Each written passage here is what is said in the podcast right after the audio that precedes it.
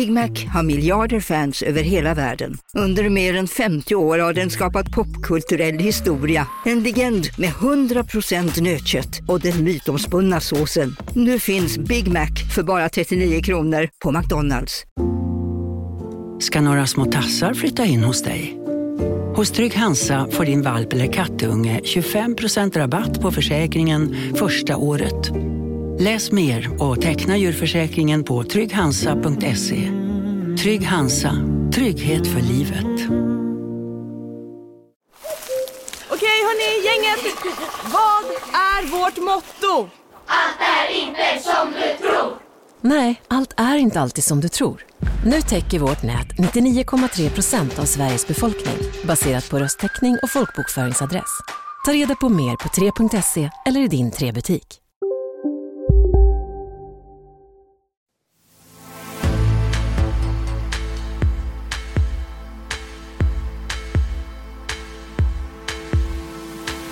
Ladies and gentlemen, distinguished guests, and America's comeback starts right now.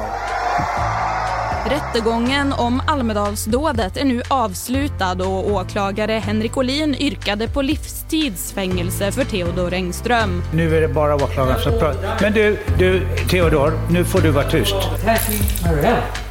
God morgon. Vi tänkte presentera, eh, göra nästa och det i särklass största svenska bidraget humanitärt och militärt till Ukraina. Det man efterfrågar allra mest just nu det är luftförsvarssystem. Uppgifter ikväll. Ryska robotar har slagit ner i Polen. Kommer Nato att svara? Fullkomligt onödig, eh, klåfingrig lagstiftning. Nej, den här lagstiftningen är nödvändig att vi genomför just nu och det handlar i slutändan om Sveriges säkerhet.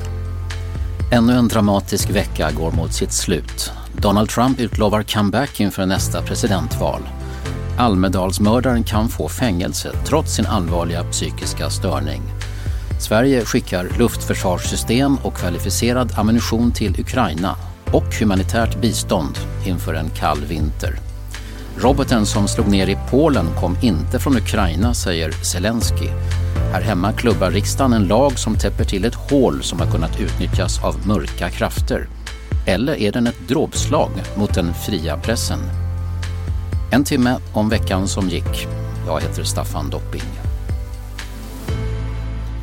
Välkomna till veckopanelen. Det är möte med det strävsamma gänget. Men Daniel Suonen har ett par månader kvar på sin tjänstledighet från den här podden. Han är åter strax efter nyår kan jag avslöja. Men Henrik Jönsson, libertariansk youtuber och debattör är här. Hej på dig! Hej hej Staffan, kul att vara här!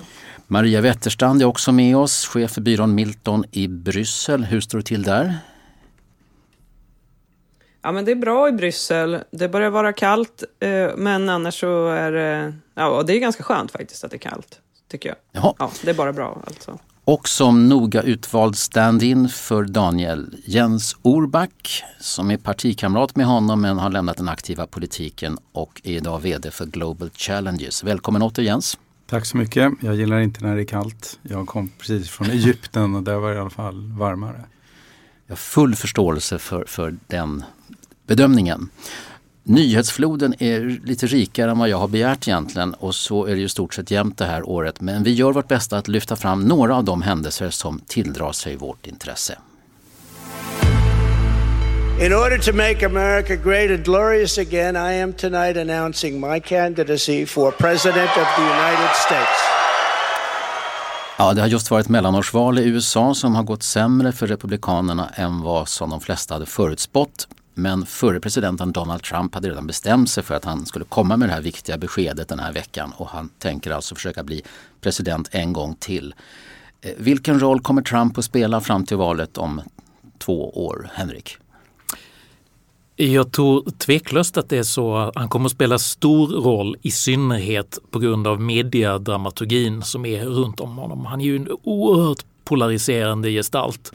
Uh, och jag skulle säga så här på, på frågan om vilken roll han kommer att ha i det här beror ju i stor utsträckning på vad Demokraterna kommer att göra. Jag menar det här hänger ihop med Trump är behäftad med betydande tillkortakommanden, milt sagt. Men eh, Joe Biden till exempel, han har ju en, en stor flank inom Demokraterna som absolut hoppas att han inte ska ställa upp igen. För att utan att vara alltför elak, han verkar ju inte vara i jättegott skick. Och är det så att Demokraterna får en väldigt svag kandidat, då kan trots att det kanske är en, en, en liten motvind för Trump-läget, då kan de mycket väl vinna det här ändå, helt enkelt för att Demokraterna är för svaga. Trump-beskedet, Jens? Ja, frågan är väl om han kan hitta en vinnande roll. Och Eh, jag lyssnade lite på Nigel Farage som inte är min mentor om man säger så. Men han sa det är inte så bra för ett parti att vara bakåtblickande. Att liksom fastna i de här resonemangen om att valet var stulet och det var valfusk. Och frågan är om han fortfarande är den kung som kan sätta etablissemanget på plats när man går in i nästa kungaval så att säga. För att han kanske har blivit en del, ännu större del av etablissemanget. Och jag tror också att det finns en eh, ett uppvaknande ur populism ibland som är sådant att jag kommer ihåg en liten kort grej bara. När man hade Brexitvalet så intervjuade man de som hade röstat utanför valstugorna. Och de som röstade för Brexit, de sa att jag är också beredd att engagera mig för det. De som röstade för att England skulle vara kvar var inte beredda att engagera sig för det. De tyckte det var så självklart. Mm. Men med tiden kanske man också måste stå upp för det som man trodde var självklart. Och där, det kanske är en idealistisk önskan, att där är också de som tänker att det kanske är något som är hotat med Trump. Som jag måste engagera mig mot eller vända mig mot. Möjligen. Comebacken startar här och nu formulerade sig Trump, Maria. Ja, men comebacker har ju en tendens att inte bli så lyckade. Oavsett om det gäller politiker eller om det gäller rockband, tänker jag. Eh, så mm. det är eh, aldrig samma sak att eh, komma tillbaka som att vara en uppstickare och en nykomling. Och någon som han, han, har ju byggt väldigt mycket också på det här med att han liksom ifrågasätter etablissemanget, att han är liksom kommer utifrån att han Eh, ja, inte är som de andra och så här. Eh, och eh, sen tillhör han ju totalt etablissemanget ändå, men han har på något sätt ändå lyckats skaffa sig den profilen. Så, så jag är inte säker på att det blir eh, ens i närheten av lika lyckosamt den här gången som det blev förra gången. Men det, det är ju ett faktum att han är eh, extremt svårignorerad. Eh, han kommer att vara i centrum och det han gör kommer att vara i centrum. Och kanske då i bästa fall, som Jens säger, att det också väcker ett stort engagemang bland hans eh, motståndare och de som eh, har sett vad det är han försöker göra och som är bekymrade över vad som kan hända igen. Jag, jag tycker det är intressant det du säger Maria, gör analogin med, med rockband eh, som, som gör comeback och det blir nästan aldrig bra. Alla är ute efter en dröm som, är, som redan är försvunnen och liksom så här, Oasis utan bröderna Gallagher med någon så här, gubbe som har blivit tunnhårig. Det är liksom inte samma sak. Ja, men, men det, det är någonting... Sen skulle, jag ju ändå, sen skulle jag ju ändå gå på en BTS-konsert även om liksom 15 år, alltså, när de har blivit liksom 45 allihopa, men ändå. Men, men jag, jag tänkte plocka upp upp den här analogin och säga att det som möjligen kan ha en bäring på det här, det är om ett Elon Musk-styrt Twitter um, åstadkommer en Trump reintroduktion där han kan förnya sig. Men han skulle behöva göra som Madonna, alltså göra någon slags total makeover och komma med ett nytt bus, någonting som är medialt fräscht. Och, och, och, det är möjligt att, att, att det kan liksom tjäna hans intressen, att om det händer grejer med hur, hur Twitter fungerar till exempel. Det här är ett kort ämne. Eh, han utser sin son till vicepresident. Okej, den 6 december kommer domen mot den mord och terrorbrottsåtalade Theodor Engström. Den här veckan avslutades huvudförhandlingen i Gotlands tingsrätt efter flera utbrott och protester från Engström. Hans egen advokat anser att Engström inte ska dömas till fängelse utan till rättspsykiatrisk vård. Men åklagaren Henrik Olin anser att det här brottets art gör att det kan bli fängelse ändå.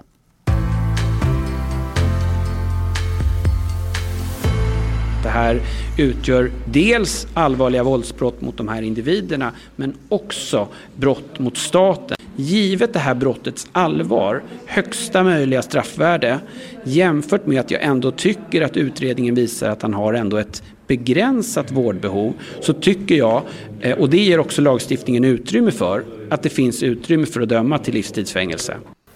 Varsågod åklagaren och fortsätt. Attacking my reality. Nej, men då, då tar vi ner eh, Theodor Engström i ett medhörningsrum. Ni... I'm done. Det här var från Radio Gotland i veckan. Henrik Olin är alltså åklagare i målet mot Theodor Engström. Eh, och Engströms advokat han tycker att det ska bli vård, fast det går ju faktiskt att döma till fängelse numera, även om den som ska dömas har en allvarlig psykisk störning. Vad säger panelen? Vill ni se Engström i en cell eller på en vårdinstitution?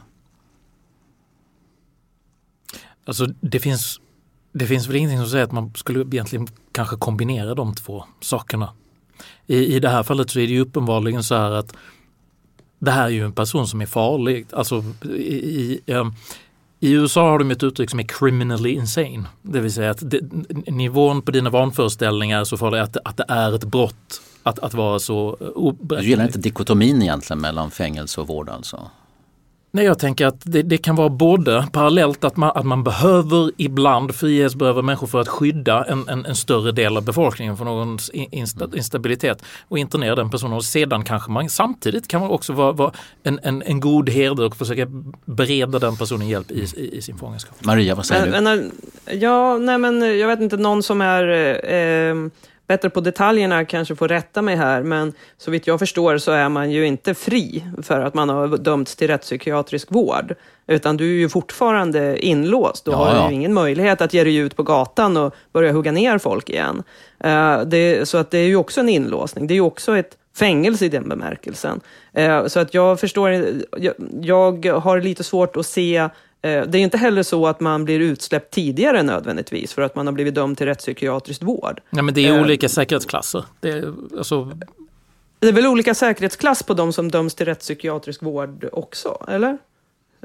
Har jag helt missuppfattat hur vårt system fungerar? Ja, jag kan inte detaljerna. Nej, Jens, vad säger du? Jag kan inte heller det, men eh, jag tänker att kanske att kriminalvården får göra bättre skäl för namnet här. Det är väl lite det som du kanske var inne på, Henrik, att, eh, att eh, man får se vad man kan göra där. Men det, det kanske också handlar om en ökad repressivitet, så att säga. Att eh, domstolarna är lyhörda för ett allmänt rättstanke hos folkflertalet. Jag vet inte, men det är ett oerhört tragiskt brott som också kommer att Ja, vi kommer väl säkert också diskutera. Jag tänker att Almedalen har stått och vägt lite.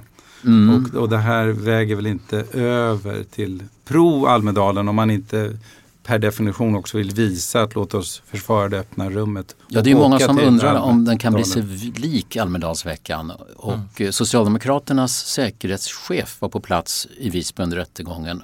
Ola Nilsson heter han. Och hans uppfattning är att säkerheten måste stärkas även om det blir på bekostnad av öppenheten och och eh, möjligheten för medborgarna att komma nära politikerna. Man kanske måste begränsa området där politiker är, sa Ola Nilsson i veckan. Maria Wetterstrand, har han rätt? Jag tror att, eh, jag, jag tror att Almedalen måste värnas i den bemärkelsen att eh, också människor kan röra sig fritt. Eh, men jag är också helt övertygad om att de starkaste politiska profilerna kommer att ha stora staber med säkerhetspersonal runt omkring sig när de rör sig runt där, vilket ju inte har varit fallet tidigare. Så eh, det kommer att bli annorlunda, definitivt. Och eh, det är klart att det i efterhand kan det ifrågasättas varför man inte har tagit de här säkerhetsriskerna kanske på större allvar redan tidigare. Det har ju funnits mycket polis på plats, men, men att en sån här person, det har ju polisen själva också diskuterat, hur kan en sån här person då få röra sig fritt runt där utan att bli misstänkt eh, och kontrollerad av polisen trots att han har uppenbart betett sig på ett sätt som Mm. har varit eh, avvikande. Eh, Så, så alla typer av säkerhetsfrågor kommer att tas på mycket större allvar. Det kommer att vara kontroller, man ska in på seminarier kanske också på ett annat sätt än det har varit tidigare. Så vissa skillnader kommer att bli, men jag tror ändå att den, till, till den största delen kommer friheten att bestå. För att den är så viktig också att bevara. Henrik Jönsson? Jag skulle säga det finns en så här, f- fransk um, cartoon, illustration uh, med li liberté, Um, och Security där det är en flicka som går med en liten Tyrannosaurus rex i ett koppel. Ehm, där, där den här Tyrannosaurusen representerar Security Och sen så, så växer den på Libertés bekostnad så att friheten krymper och säkerheten ökar men sen så i sista rutan så äter dinosaurien upp friheten helt och hållet. Och, det, och det finns ju någonting i den metaforen som jag tycker det är så lite sorgligt för att Almedalen har verkligen varit en så unik sak i närheten och tillgängligheten mellan hela den demokratiska processen. Vanligt folk, alla företagsledare, vanliga väljare och politiker. Det är någonting som är kanske både oskuldsfullt och vackert och väl värt att värna. Men jag mm. vill göra ett medskick till. För ett par år sedan så var det ju en storm i, i Almedalen, det var innan covid, eh, en, en kväll och jag var på det här är on-brand. Jag var på en champagneprovningsyacht utan, utanför eh, och hjälp, där ett par killar hade hjälpt till att lotsa en amerikansk segelbåt in i hamnen un, under blåsten. Och de hamnade mitt i Almedalen. De skulle inte dit egentligen. och, och också, vi, vi, tog med dem runt, de tittade och sa, men vad är det här för någonting? Mm. Så, det, det, är så här, det här är vår demokratiska process. Och, och den här gubben liksom tittar på mig så här, But where's the security? I mean you can't, liksom om alla är här alltså. What if somebody dropped a dirty bomb? Mm. Så, så det, det är ju ett sorgligt uppvaknande ur den här ganska söta Bullerbyn-idyllen till, till en lite kargare verklighet. Det är många som ville be bevara den där drömmen har jag en känsla av. Mm. Det känns, vad, vad skulle det betyda för Almedalsveckan om politikerna bara skulle vistas på vissa särskilt bevakade områden i Visby? My, mycket, mycket tråkigare och kanske är det lite som vi talade om uppvaknandet ur Trump också, det där att man man har tagit saker för självklart. Vi är väl många här som har varit i Almedalen kanske 20-30 år i rad och tyckte att det där är något fantastiskt och ibland tycker vi att det är tråkigt för att det händer samma saker. Och så här. Men nu när det hotas, då ser vi kanske ännu mer värdet av det. Och det, det är ibland svårt att göra det innan någonting händer. Men det här kanske gör att vi ändå kommer försöka slå vakt om det här öppna samtalet så gott det går. Men jag håller helt med Maria om att jag tror att det kommer bli en ytterligare förstärkning förstås av säkerheten. Och nu kommer det att handla mycket om fred och säkerhet. God morgon. Vi tänkte presentera, eh, göra nästa och det i särklass största svenska bidraget eh, humanitärt och militärt till Ukraina. Och det är då mot den här bakgrunden som regeringen idag då eh, presenterar det här humanitära vinterpaketet. Det rör sig om 720 miljoner kronor. Det man efterfrågar allra mest just nu det är luftförsvarssystem. Och då handlar det egentligen om ett luftvärnssystem med ammunition och också ammunition till ytterligare ett luftvärnssystem. Försvarsminister Paul Jonsson berättade om det militära stödet till Ukraina omgärdat med en hel del sekretess. Bland annat fick vi inte veta vilken typ av luftförsvarssystem som Sverige bidrar med. Före honom biståndsminister Johan Forsell och statsminister Ulf Kristersson från pressträffen i onsdags. Maria Wetterstrand i Bryssel, vad är att säga om det här stödpaketet? Ja, det är um, en respons på det som har uttryckts att det finns behov av. Och även om jag är en av dem som kanske inte har älskat alla svenska satsningar på försvarsmateriel genom historien så lutar jag ändå åt att eh, är det någonting man kan använda detta försvarsmateriel till så är det kanske just att stödja Ukraina. Men det är ju, ska ju sägas att det här är ju en tveksam, det är ju tveksamma beslut egentligen i förhållande till vad Sverige, liksom Sveriges regelverk om vapenexport, där vi ju egentligen har sagt att vi ska inte sända, eh, vi ska inte sända vapen till krigförande nationer till exempel. Vilket i och för sig det har förts fram kritik mot att vi har gjort även tidigare. Så att ur ett rent principiellt perspektiv så borde vi kanske diskutera det här mera egentligen. Eh, två olika luftförsvarssystem ska skickas under mycket hysch-hysch för att det är säkerhetsmässigt inte någon promenad i parken att sända krigsmateriel till ett land som är i krig. Eh, Jens Orback, är Sverige lagom generöst nu på det militära planet? Ja, det tycker jag väl. Jag tycker man ska vara, alltså jag, jag tillhör en av dem som tycker att vi ska skicka vapen till Ukraina och att det är ett krig som också angår oss och som vi till stora delar är inblandade i. Men vi har inte fötter på marken utan det är ukrainare som försvarar sin rätt att bevara sin egen suveränitet. Så det tycker jag är väldigt viktigt. Jag, kan, jag, skulle spekulera i att det är Robot 70 och jag blir inte dömd för spion då för jag har inga insight-uppgifter eh, om, om, det. Men jag, jag, jag tycker jag lyssnar till de här ukrainarna som står upp för fred, för demokratiska värden. Men nu är det materiel som de behöver för att försvara sig och jag tycker att det är fint att Sverige kan svara på det. Före valet så kom det från Moderaterna starka krav eh, att dåvarande försvarsminister Peter Hultqvist skulle gå med på att skicka artillerisystemet Archer till Ukraina. Men nu finns inget artilleri med. Eh, Henrik, hur hänger det ihop? Jag är inte tillräckligt möppig för att kunna recensera specifika vapentyper. Där gick gränsen. Men, men jag kan väl konstatera att, att det känns både värdigt och bra att man försöker spänna musklerna i just det här. Alltså det här hänger nästan lite grann ihop med det förra ämnet där vi pratar om temat här på något sätt, innocence loss.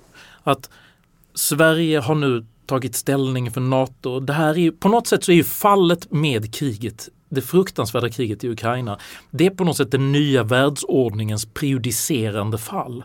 Att om vi, symbolvärdet är oerhört högt om väst inte ser till att hålla gränsen här och visa både, både Ryssland, men inte bara Ryssland utan även Kina att hit men inte längre. Och därför är det här väl ur mitt perspektiv, oavsett vilka specifika robottyper eller vad man skickar, på något sätt rätt fight att ta. Trots att det innebär att nu tar vi ställning, nu tar vi sida och det är NATO och det är en massa nya saker som händer på gott och ont.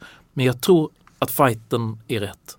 Är det någon skillnad på hur den nya regeringen agerar vad gäller det här militära stödet jämfört med den tidigare socialdemokratiska? Kan man skönja någon nyansskillnad? Ja, ja, det var ju lite klagomål innan från den borgerliga sidan av att man inte gjorde tillräckligt och man höjde väl också röster för Archer. Jag tror Archer det är en avvägning som ÖB gör att det kanske är svårt att skicka bort någonting som man är mycket beroende av i det svenska försvaret. Får jag bara komma in på en sak som jag tycker har varit intressant för mig den senaste veckan när jag har talat med utrikespolitiska vänner och kollegor i andra NATO-länder och det gäller hur ska kriget sluta? Vem ska vinna kriget?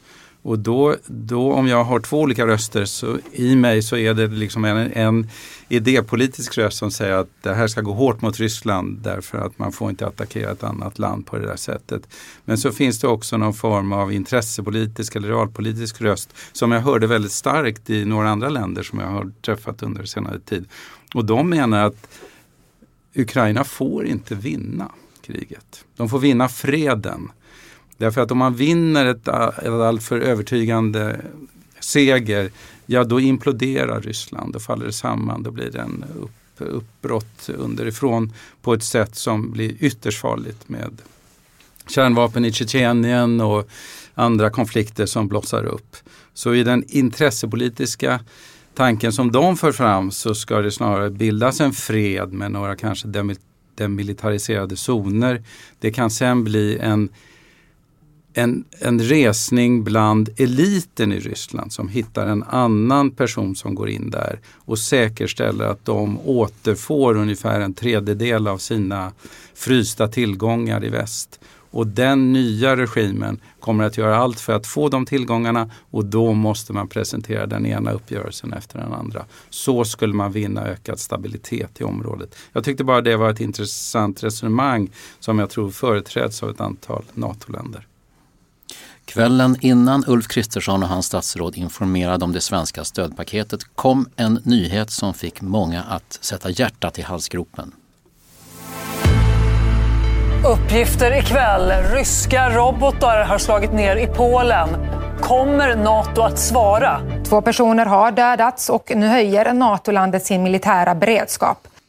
Så här rapporterade SVT precis i inledningsskedet. Hur reagerar ni på både robotexplosionen i Polen och eh, efterspelet? Ja, jag tror du uttrycker det rätt när du säger att alla får hjärtat i, i halsgropen. Uh, för att det här var ju um...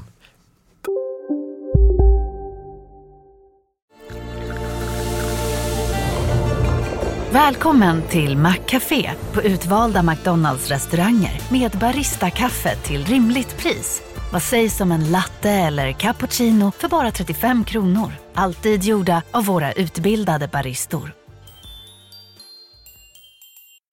Hej Sverige! Apoteket finns här för dig och alla du tycker om.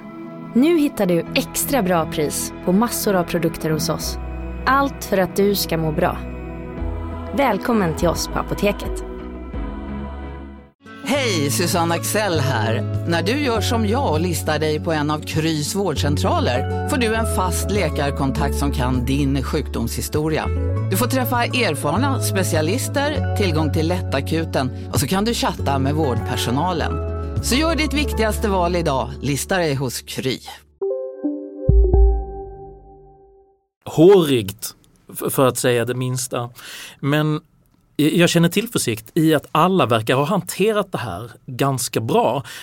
Polen har varit väldigt noggranna med att försöka understryka att vi uppfattar inte det här som en rysk aggression, vilket då hjälper Putin att inte tappa ansiktet. Det är en deeskaleringsprocess naturligtvis. Ehm, även Rysslands reaktion på Bidens förhållande till det här som de då applåderade för att det var inte konfrontativt utan man backar. Så att ur ett diplomatiskt perspektiv så, så, så tror jag att det här har liksom diffuserats på ett, på ett ganska, ganska bra sätt. Sen, sen, så finns det ju en det finns ju en dramaturgi i det här på något sätt. I president Putins långa bord där han sitter på, på avstånd från allting med, medan det ukrainska folket är på, på gränsen liksom, så, så, att de här vapnen slår nästan ner i Europa. Så symbolvärdet är ju en väldigt stort. Det här är obehagligt men bra skött. Jag känner spontant sett en tillförsikt för hur det här oerhört svåra och känsliga läget hanteras. Hur mycket skakar det till där du befinner dig Maria? Eh, ja, nej men eh, först och främst naturligtvis eh, oerhört tragiskt för den här byn som har blivit drabbad och de personer som drabbades av det här. Så det, det är ju det första, men när man då har, har konstaterat det så blir jag, inser jag att jag blir plötsligt mig själv allra närmast och inser att min son snart ska göra militärtjänst i Finland. Och Finland ska gå med i Nato.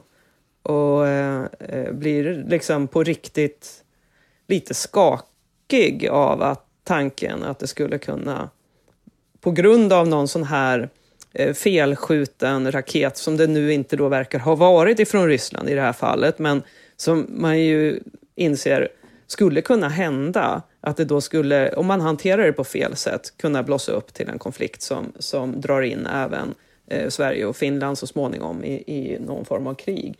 Eh, så att eh, det, det är ju, ehm, det var lite känslo, det påverkade mitt känsloliv mm. Eh, ganska starkt där ett tag. Och sen, men sen håller jag helt med Henrik om att det känns som att de, har, de höll huvudet kallt. Mm. Och det är ju otroligt viktigt. Om man jämför det med sprängningarna av Nord Stream-pipelinen, där många var väldigt snabbt ute och anklagade Ryssland både eh, i direkta ordalag och indirekta ordalag på ett sätt som jag tyckte kändes lite ansvarslöst, kanske i det läget, även om misstankarna var starka, så var man mycket noggrann i det här fallet. För jag tror att de förstod, alla förstod direkt att det här, det här är på riktigt. Det här är någonting mycket, mycket allvarligare än om det skulle ha skett ett sabotage mot en gasledning. Eh, för att om man hanterar det här fel, då kan det faktiskt spåra ur fullständigt. Så jag var mycket ehm, eh, ändå jag måste säga imponerad av att man höll lugnet och inte drog några förhastade slutsatser. Även om det fanns misstankar så var alla liksom från officiell nivå väldigt noga med att säga att vi måste undersöka det här och ta reda på mer innan vi säger någonting definitivt.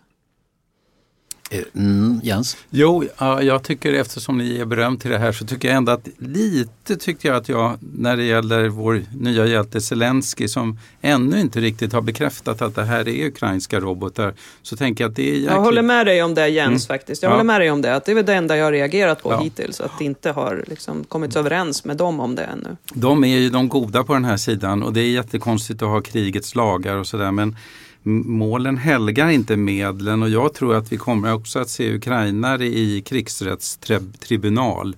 Och det är jäkligt viktigt och jag hoppas att de upprätthåller liksom det, våra förhoppningar på att vara några som försvarar sig mot en... Men varför fortsätter president Zelensky att förneka att den här roboten som exploderade på polsk sida kan ha varit ukrainsk? Ja, det får du fråga honom och jag tycker det är beklagligt för det verkar som om det är det. Det tycks ha orsakat gnissel i EU ja. och det blir väl en... I förhållande till Polen också inte minst. Förstås. Och annars, alltså Zelensky har ju varit något av en hjälte sedan i våras i stora delar av Europa och även här i Sverige. Händer det någonting nu med, med, med hans anseende? Ja, men jag tror att det gör det. Jag, jag tror faktiskt att det, att det gör det. Jag, jag, I alla fall om det är så att alla andra liksom som som undersöker den här saken säger att det är helt uppenbart så att det här handlar om det ukrainska försvarets eh, eh, robotar som har hamnat fel. Eh, och Ukraina helt och hållet förnekar det. Jämfört, om man jämför med att de då skulle erkänna att, säga att de, de har tittat på de här undersökningarna och ser att det förhåller sig på det viset och att det är oerhört beklagligt. Alla är ju ändå överens om att det är klart att det är Rysslands fel, så att mm. säga, från början. Eh, så tror jag att han skulle ju han skulle bygga trovärdighet i så mycket annat han säger om han eh, då, ifall det nu är så fallet, eh, erkände att det faktiskt förhöll sig på det här sättet. Då skulle man plötsligt tro på allt annat han sa, så att mm. säga. Ja, jag, jag, vill, jag, jag håller med Maria. Alltså, ja, det, det, är, det är olyckligt eller säg så här, poängen jag egentligen vill göra det är att när det här hemska kriget satte igång så var vi alla väldigt, väldigt angelägna med att, med att understryka vikten av att sluta upp mot Ukraina som trots allt har blivit att, attackerat och, och i viss utsträckning även ockuperat av, av, av, av ett fientligt Ryssland. Det, det skapade ju också ett klimat där det blev väldigt svårt att, att, att nyansera Ukrainas beteende. För att det uppfattades ju då som att man på något sätt förde en putinistisk argumentation. Men jag tror just vad den här gränskonflikten visar på det är på ett sätt så är det ju faktiskt det är ju hotet om ett tredje världskrig som står på spel om det skulle vara ett angrepp mot NATO.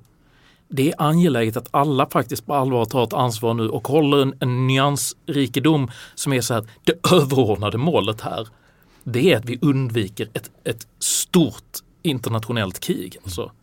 Um, så där är det väl befogat och kanske ett välkommet tillnyktrande att man också kan rikta en kritik mot Ukraina och säga så att det är inte fullständigt binärt good guys versus bad guys. Det viktigaste är att vi måste ha en balanserad fred. Vi ska absolut sluta upp för Ukraina och trycka tillbaks Rysslands eh, liksom, fientliga ambitioner. Men vi, vi måste, det, det som står på spel här är världsfreden ytterst.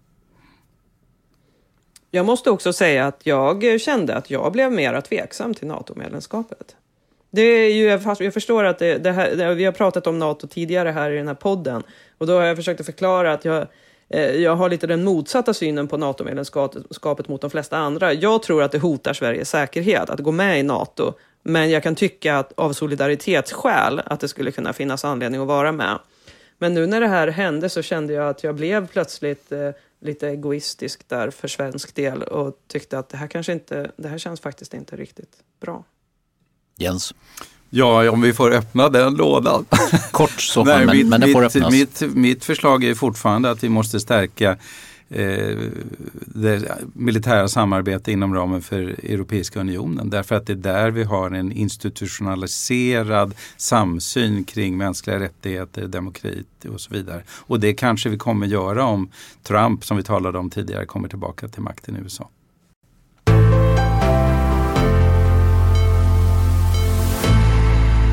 att det är ett allvarligt ingrepp i yttrande och tryckfrihet i, i Sverige. Det finns inget behov av den en massa av de avslöjanden som har gjorts de senaste åren, inte minst av säg, Ekot och Uppdrag granskning, hade förmodligen varit kriminella om eh, den här lagen hade gällt. Eh, fullkomligt onödig, eh, klåfingrig lagstiftning.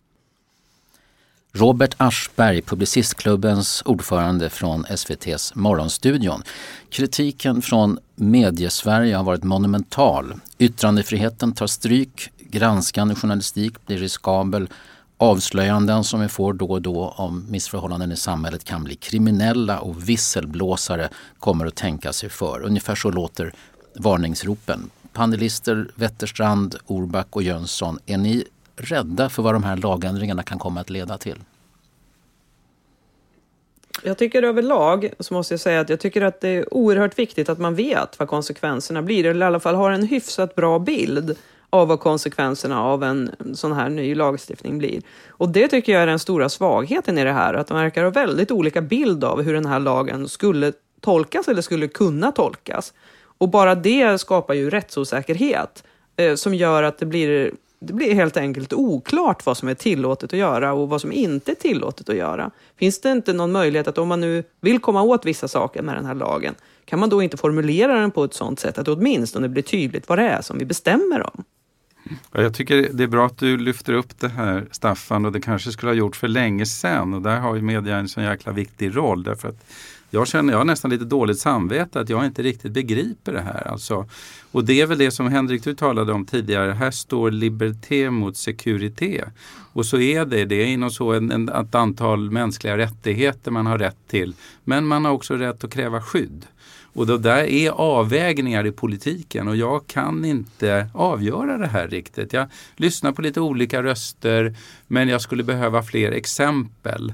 Nu hörde vi något exempel här och andra menar att nej men det finns också delar i den här lagstiftningen som gör att om det är påkallat eller det kan försvaras så åker man inte dit. Men svår, det måste, man måste grotta in sig och få hjälp i den här frågan i alla fall gäller det mig. Jag, jag, jag, jag skönjer ett tema här i form av Sveriges förlorade oskuld på något sätt. För att den, här, den här frågan är ju tveklöst så att, att, att den är ett, ett svärd med, med, med två um, udder. Liksom.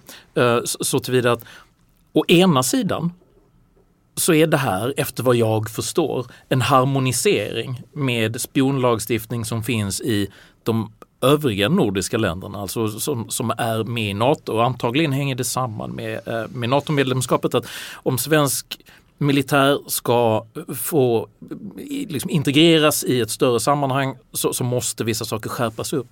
Samtidigt så kan jag ju konstatera att jag själv i den mån som jag företräder ett individualistiskt frihetsperspektiv har väldigt stora principiella invändningar mot just den här typen av vertikal auktoritärt inflytande över vad folk får lov att säga. Och jag vill ta ett tidigare exempel på det här. 2017, då, 2017 då eh, försökte man ändra grundlagen rörande mediegrundlagarna för att man ville eh, förhindra människor som bara hade utgivningsbevis att kunna kolla på sjukdomshistorik och kriminalitetsinformation eh, på, på människor. Och, och då sa um, Morgan Johansson någonting i försvar för den här lagen som jag då fastnade för. För att han, han tyckte så att ehm, eh, um, uh, journalistisk, journalistisk verksamhet inte ska träffas av något förbud. Men vad som ska anses vara journalistik får bli en tillämpningsfråga. Och, och, och det där var någon, en fråga som jag och ett gäng andra människor i den så kallade alternativmedia-Sverige reagerade mycket hårt mot. För att, att, att in, att, att upprätta den typen av politiskt avgörande för vilka som ska ha tillträde till vilken sorts information var ett stort problem. Då blev det inte alls så stor debatt, men det här har många reagerat på därför att det här slår ner rakt i journalistiken. Då blir Aschberg arg till exempel. Eh, det här gick ju igenom i riksdagen i veckan eh, för andra gången på ett halvår eftersom det delvis handlar om grundlagsändringar. Och Robert Aschberg framträdde inte bara i SVT med sin oro utan han ledde också en debatt på Publicistklubben i måndags. Och där medverkade en annan av den skärpta lagens tillskyndare, socialdemokraten Ida Karkiainen som förut var civilminister och nu är ordförande i konstitutionsutskottet. Spioneribestämmelserna som de ser ut idag är otillräckliga och eh, det finns hål i lagstiftningen som gör att man behöver utvidga spioneribestämmelsen så att vi till syvende och sist skyddar Sveriges säkerhet. Skulle du kunna vara lite mer specifik om de där hålen?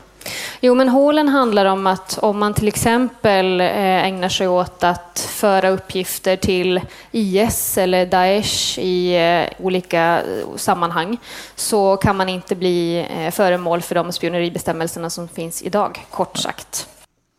Ja, Ida Karkiainen hon darrade inte på manschetten här om att det här är någonting som verkligen behövs. Eh, en av de mediechefer som har varnat för det här är Aftonbladets redaktionschef Karin Schmidt. Hon skriver i en egen text i Aftonbladet att flera grundpelare inom journalistiken sätts på spel att offentliga aktörer inte får efterforska källor, själva uppdraget att granska makten och till Dagens Nyheter säger hon att det räknas, då kommer räknas som ett brott om en reporter får en citat hemlig handling skickad till sig. Om det är så här allvarligt så finns det väl anledning att fundera över att sex av åtta partier ställer sig bakom lagändringarna. Alla utom Vänsterpartiet och Miljöpartiet. Men du, det finns en annan invändning här också. Varför dyker det här upp i sista ögonblick? Alltså, var, var har eh, liksom, den journalistiska kåren varit någonstans i bevakningen av det här? För det, det, det är ju ingenting som har hänt i en handvändning heller. Ja, det är flera, ett antal år sedan, sedan det kom en utredning som föreslog det här och då fanns inte det här tillägget om försvarlighet. Man har alltså gjort en förändring för att eh, i stort sett eh, blidka de kritiska rösterna har gjorts. Men debatten har ju varit nästan frånvarande. Precis. Och vi, vi i mediesverige har väl inte gjort ett riktigt bra jobb här. Nej, det var Nej, det men jag det där tänkte är ju på. väldigt Ja, förlåt Jens, Nej, jag tänkte du. bara säga att det där är ju väldigt, det är ju väldigt signifikant överhuvudtaget tycker jag att det är först när lagstiftningen kommer i sitt absoluta slutskede som eh, media intresserar sig för frågorna. I bästa fall då, i, i sämsta fall inte ens då, utan först efter att den har röstats igenom. Eh, och det gör ju också att de aktörer som påverkas av lagarna kanske inte heller blir uppmärksammade på att det här är på gång. Eh, så, så att, eh, och det är oavsett om det gäller i EU eller i Sverige så fungerar det ju på det sättet. Och det, det, det är ju såklart en kritik man kan ha. Men sen, sen måste jag säga att det är ju jätteskönt med en politiker som står upp för sina egna förslag och inte ber om ursäkt när de blir kritiserade. Så all heder åt det. Men, men, men jag tror att just godtyckligheten, alltså man, kan inte ha, man kan inte utforma lagstiftning på ett sätt så att det blir ett stort utrymme av godtycke hur den ska tolkas. Och att den sen då ska göras i någon form, då, då görs ju det i domstolsprocesser så småningom och så vet man mer vad det kommer att innebära. Men politikerna som fattar beslutet borde ju veta, i alla fall ungefär, hur den kommer att tolkas. Det är ju oerhört viktigt att, att försvara tryckfriheten och öppenheten. Och det, det värsta är ju då om journalister aktar sig för att utöva sitt yrke. Så min, min förhoppning är att man fortsätter utöva sitt yrke. Får man sett ett straff för det, ja då får vi gå med goda mackor till fängelset och så får man ändra den här lagen över två val, mellan två val. Det finns ju ett gammalt klassiskt uttryck framförallt myntat i Storbritannien tror jag, publish and be damned. Det vill säga att det är verkligen en plikt för oss journalister att, att publicera saker och ting även om vi, vi kommer sen att kritiseras. Frågan är om man kan eh, utveckla den där principen till publish and be prosecuted. Ja, alltså eh, det, det, det, det får mig att tänka på eh, alla de här eh, modiga journalisterna som eh, eh, hanterade Watergate-skandalen till exempel. Och, och det där det finns ju någonting som är ädelt i det där att, att, att stå upp även för någonting som är problematiskt. Och jag hoppas att vi kan göra det. En parallell här är väl, kommer ni ihåg FRA-lagen? Som, som, eh, FRA-lagen kommer vi svagt ihåg, ja. Ja, eh, det var 2007 va? Som, som det där drevs. Det, det var ju en mycket spets... 2006 tror jag ja, att men det då- började. Ja. Ja, I den vevan. Och lagen hette egentligen lagen om signalspaning men, Ja. men onda skrämmande myndigheten FRA liksom blev, fick symbolisera lagen. Ja, och, och igen, här är ju samma sak. På det principiella planet så, så, så jag är också en, stor, en kritiker av det där att statsmakten ska tillskänkas befogenheten att i ganska stor utsträckning kunna godtyckligen avlyssna sina medborgare. Men det är ju för att skydda landet och vårt statsskick. Precis, och som, för att knyta tillbaks till den här bilden igen med Tyrannosaurus. Eh, egalité, eller vad säger jag, sekurité och, och liberté, avvägningen hela tiden. Men likheten här är att debatten förs väldigt i, mycket i falsett. Det finns kanske fog för att tillämpa samma lugn som man gjorde i eh, de, den här robotkrisen i, i Polen. Och så att det här är så viktiga frågor att vi måste försöka vara lite sansade i diskussionen. För det kan både vara så att spionskyddslagarna kanske måste skärpas lite grann givet det nya geopolitiska läget. Men vi måste hitta tiden, utrymmet på något sätt att också ha ett samtal om hur det här påverkar oss. Och jag, jag vet inte varför det har, varför det har varit svårt att få till stånd debatten. Men det finns ju inte något utrymme för någon, någon liksom hög intellektuell nivå i debatter idag. Det ska ju vara liksom klickvänliga rubriker och, och eh, sånt som folk kan ta till sig supersnabbt för att annars kan det vara. Och sen är det ju dessutom det här som eh, jag menar, jag, inte, jag älskar inte hela den svenska journalistkåren kan man ju inte påstå på något vis. Snarare tvärtom så har jag ju väldigt mycket, alltså det är inte journalisterna specifikt som personer jag har något emot, utan hur journalistiken i många fall bedrivs. Men det är ju ett faktum att vi har en flockmentalitet i Sverige där alla journalister, nu springer alla journalister på den här bollen åt det här hållet. När som allihopa var tysta förut. Och sen en annan vecka, då är det en annan fråga. Då springer alla dit och just då så är det ju ingen som vågar gå Eh, på den andra linjen. Så att det blir ju en, en begränsad eh, intellektuell profil på debatten på grund av det också. Så det är det jag faktiskt menar när jag säger att jag tycker det är skönt att Ida Karkiainen här nu bara, hon bara står upp för det här förslaget och för, försöker förklara varför de tycker att det här är rimligt. Då får man ju åtminstone en debatt med två olika åsikter. Det är ju skönt. Och till nästa gång så har vi en studiecirkel innan tycker jag. Så vi också kan se vad fan det här var för något. Men kan, kan det inte vara lite Peter och vargen-syndromet? Jag vet inte hur många varningar om att yttrandefriheten är hotad som jag har hört de senaste 40 åren i olika sammanhang. Och eh, de har nog ibland varit överdrivna.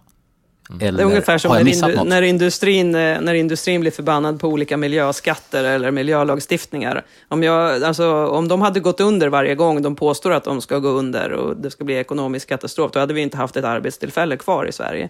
Så att det, eh, det finns nog lite Peter och vargen i den här också. Många som ropar att vargen kommer, ofta.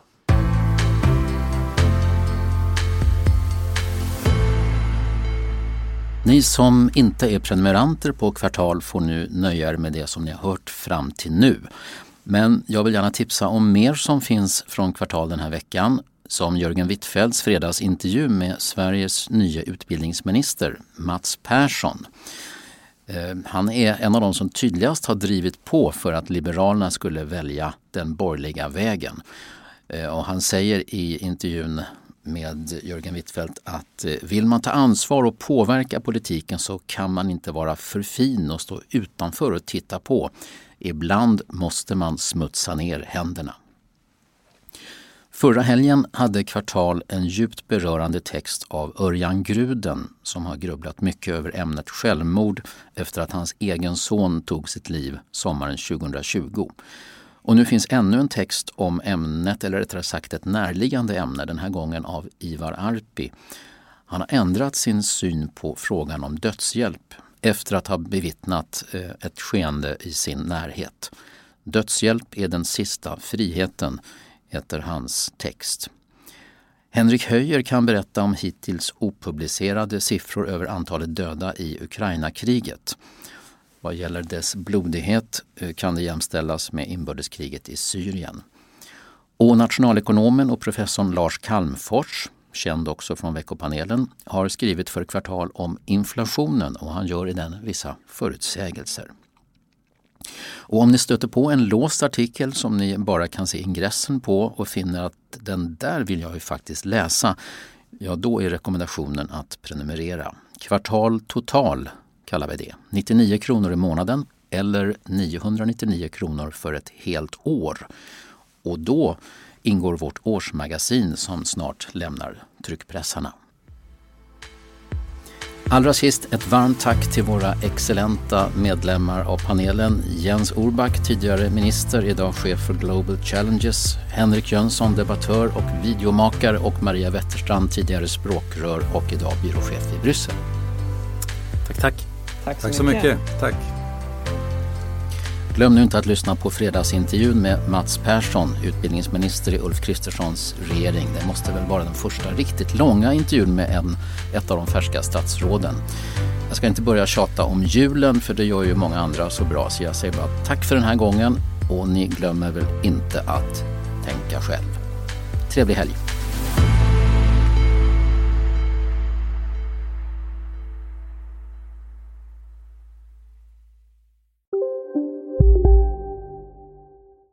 Hej, Synoptik här. Livet med glasögon ska vara bekymmersfritt. Därför får du 30% på alla glasögon när du väljer Synoptik All Inclusive. All service ingår alltid. Välkommen till Synoptik. Kurrar i magen och du behöver få i dig något snabbt? Då har vi en Donken deal för dig. En chicken burger med McFeast-sås och krispig sallad för bara 15 spänn. Varmt välkommen till McDonalds.